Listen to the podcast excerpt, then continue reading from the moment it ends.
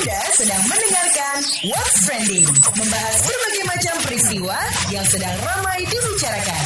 Kabar pagi siaran pagi radio paling update. Selamat pagi. Apa kabar Anda hari ini di hari Senin 16 Maret 2020 Sky Full of Stars. Dari Coldplay sudah jadi uh, lagu pembuka kita di hari ini Ya kan? Di hari Senin sekali lagi 16 Maret 2020 Dan berarti kembali menemani pagi hari Anda Ya kan? Di mana pun Anda berada pada saat ini Dari Aceh hingga Papua Yang lagi dengerin KBR pastinya. Apa kabar Anda?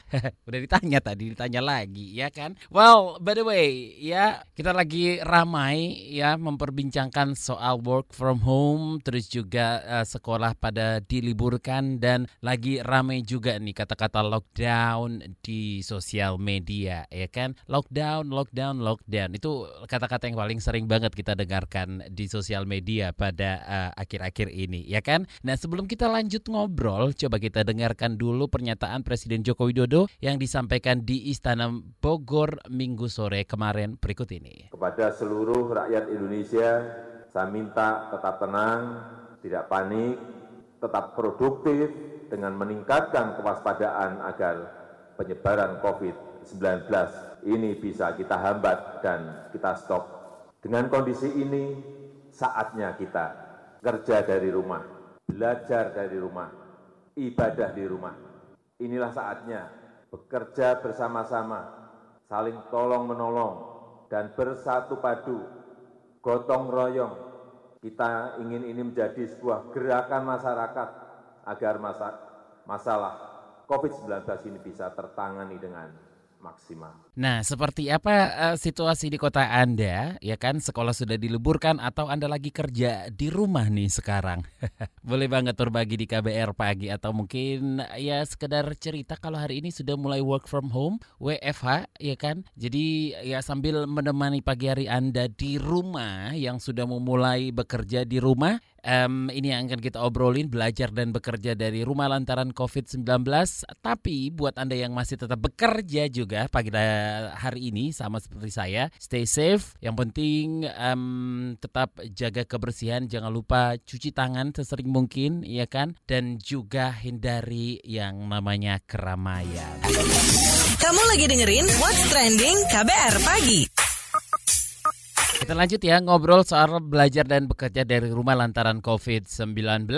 Nah, jadi Menteri Perhubungan Budi Karya Sumadi jadi pejabat publik pertama yang positif corona dan sekarang lagi dirawat di RSPAD Gatot Subroto Jakarta. Maka dari itu salah satu langkah antisipatif yang diambil pemerintah buat mencegah penyebaran virus corona adalah dikeluarkannya kebijakan yang memungkinkan pegawai negeri sipil atau PNS bisa bekerja dari rumah masing-masing. Lalu bagaimana dengan pegawai swasta? Kita akan ngobrol dengan dengan Kabiro Humas Kementerian Tenaga Kerja Kemenaker Sus Hindarno. Oke, bagaimana dengan uh, pegawai swasta nih Pak? Bakal boleh libur atau kerja dari rumah juga? Kita mas, pertama masih menggodok dulu kajian seperti apa. Karena kan kalau sudah diundang, kalau diaturkan, kalau diedarkan sudah berlaku nasional kan tentunya ya. Nah, kita harus memilah ini ada sektor ini yang nggak bisa dibawa ke rumah, ada sektor ini terus bagaimana pengendaliannya. Maka kita mengimbau perusahaan agar semua tempat kerja dikondisikan agar ada apa penyemprotan sehingga mensterilkan seluruh perangkat kerja.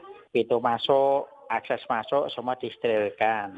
Tapi sayangnya ini masih dalam godokan belum menjadi keputusan menteri. Tapi yang diperintahkan oleh menteri kami misalnya menteri tenaga kerja bahwa karyawan tenaga kerja yang usianya 50 tahun mendingan di rumah dulu saja karena kan semakin itu kan rentan terhadap apa kondisi tubuh ya yang pertama. Yang kedua bagi pegawai yang memiliki kendaraan sendiri atau kendaraan dinas tetap masuk kan jangan sampai mengganggu pelayanan. Tapi bagi pegawai yang setiap hari menggunakan akses umum eh, diupayakan di save atau bagaimana caranya agar tidak ke kantor dulu tapi kantor jangan terganggu. Nah kan tidak semua pegawai juga punya internet ya. Kalau yang punya masih bisa ya kamu di rumah aja deh oke di um, beberapa negara lain pemerintahnya mengeluarkan aturan yang membolehkan karyawannya untuk kerja dari rumah selama 14 hari. Apa sih yang sedang dipertimbangkan pemerintah untuk aturan ini, Pak? Karena memang di negara setiap negara kan berbeda berbeda kondisi dan penanganannya. Nah, kami berpikir kalau ini di perusahaan yang memang memerlukan masuk tidak bisa dari rumah, kayaknya persentasenya lebih tinggi deh, Mas. Katakan misalnya pabrik rokok, bila pun sekarang sudah berkurang. Pabrik konveksi kan harus masuk ya. Bagaimana untuk kecuali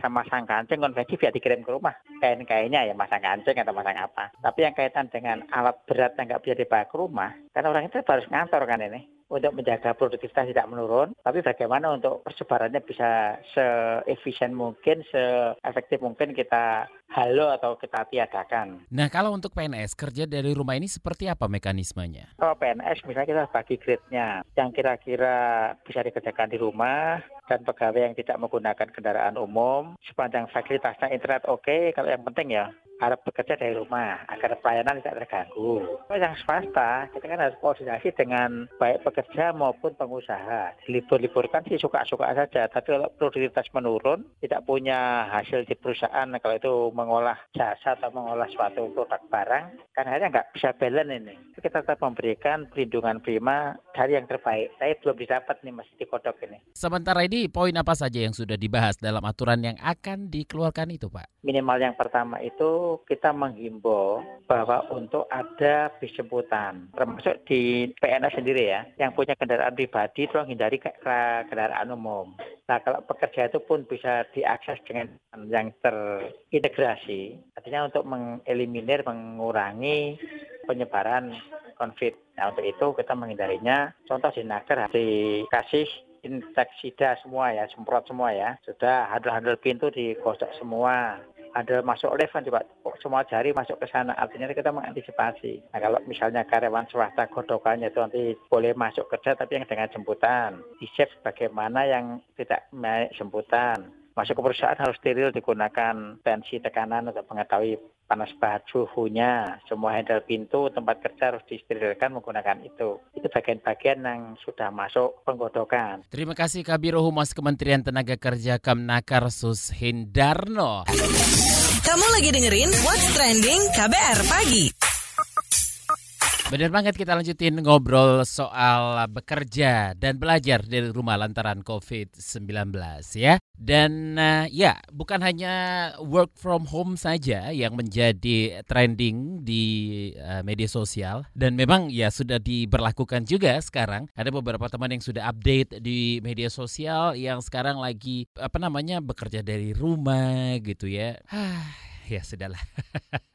nah, selain membolehkan PNS kerja dari rumah, Presiden Joko Widodo juga mengimbau agar para siswa belajar dari rumah. Nah, beberapa daerah sudah mengambil inisiatif untuk meliburkan sekolah selama satu atau dua minggu, semisal Jakarta. Bahkan ada juga yang menunda pelaksanaan ujian nasional pekan ini. Tapi bagaimana sih ancang-ancang Kementerian Pendidikan dan Kebudayaan dalam mencegah penyebaran virus corona di sekolah-sekolah? Kita sudah bersama Kepala Biro Kerjasama dan Hubungan Masyarakat Kemendikbud RI AD Erlangga Masdia Diana. Oke, seperti apa aspek pencegahan dan protokol pencegahan penyebaran virus corona di sekolah-sekolah nih Pak? Aspek pencegahan dan protokol untuk dunia pendidikan atau untuk satuan-satuan pendidikan betul-betul harus dipatuhi uh, secara seksama ya, secara lebih ketat ya. Apa namanya harus sering cuci tangan, harus disediakan sarana-sarana untuk mencuci tangan. Kalau ada yang sakit dianjurkan untuk tidak sekolah untuk berdiam diri dan juga untuk memastikan juga uh, sakitnya sakit apa kan gitu ya ke pusat-pusat layanan kesehatan yang ada di setempat ya. Lalu kemudian sekolah-sekolah juga harus uh, senantiasa koordinasi dengan dinas pendidikan dan, dan dinas kesehatan tentang kondisi guru, tentang uh, murid supaya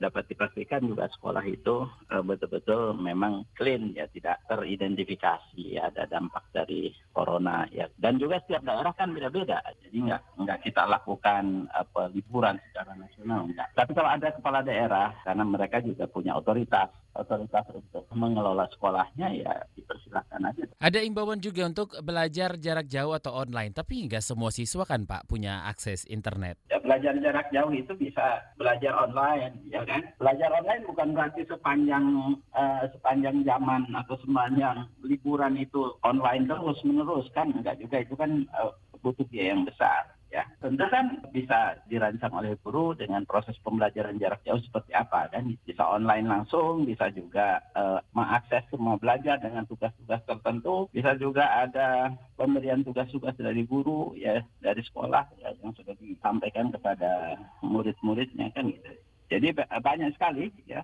Dan bagaimana dengan pelaksanaan ujian nasional nih? Tentu kalau terkait dengan ujian nasional ya otomatis kan kita fasilitasi untuk penyesuaian jadwal dan dan juga kita juga ada jadwal eh, ada ujian susulan juga dan juga kita ada protokol ujian nasional ini yang dikeluarkan oleh BSNP eh, dan penyelenggara UN bahwa kalau ada siswa yang sakit ya jangan masuk yang bisa ikut ujian susulan. Baik, terima kasih Kepala Biro Kerjasama dan uh, Hubungan Masyarakat Kemendikbud RI Ade Erlangga Mas Diana. Dan sekali lagi buat Anda ya kita eh, nggak uh, akan berhenti untuk menginformasikan hal ini. Kemenkes telah sediakan hotline yang bisa dihubungi terkait kasus virus corona COVID-19 yaitu 021 5210 411 atau bisa juga hubungi 0812 1212 3119.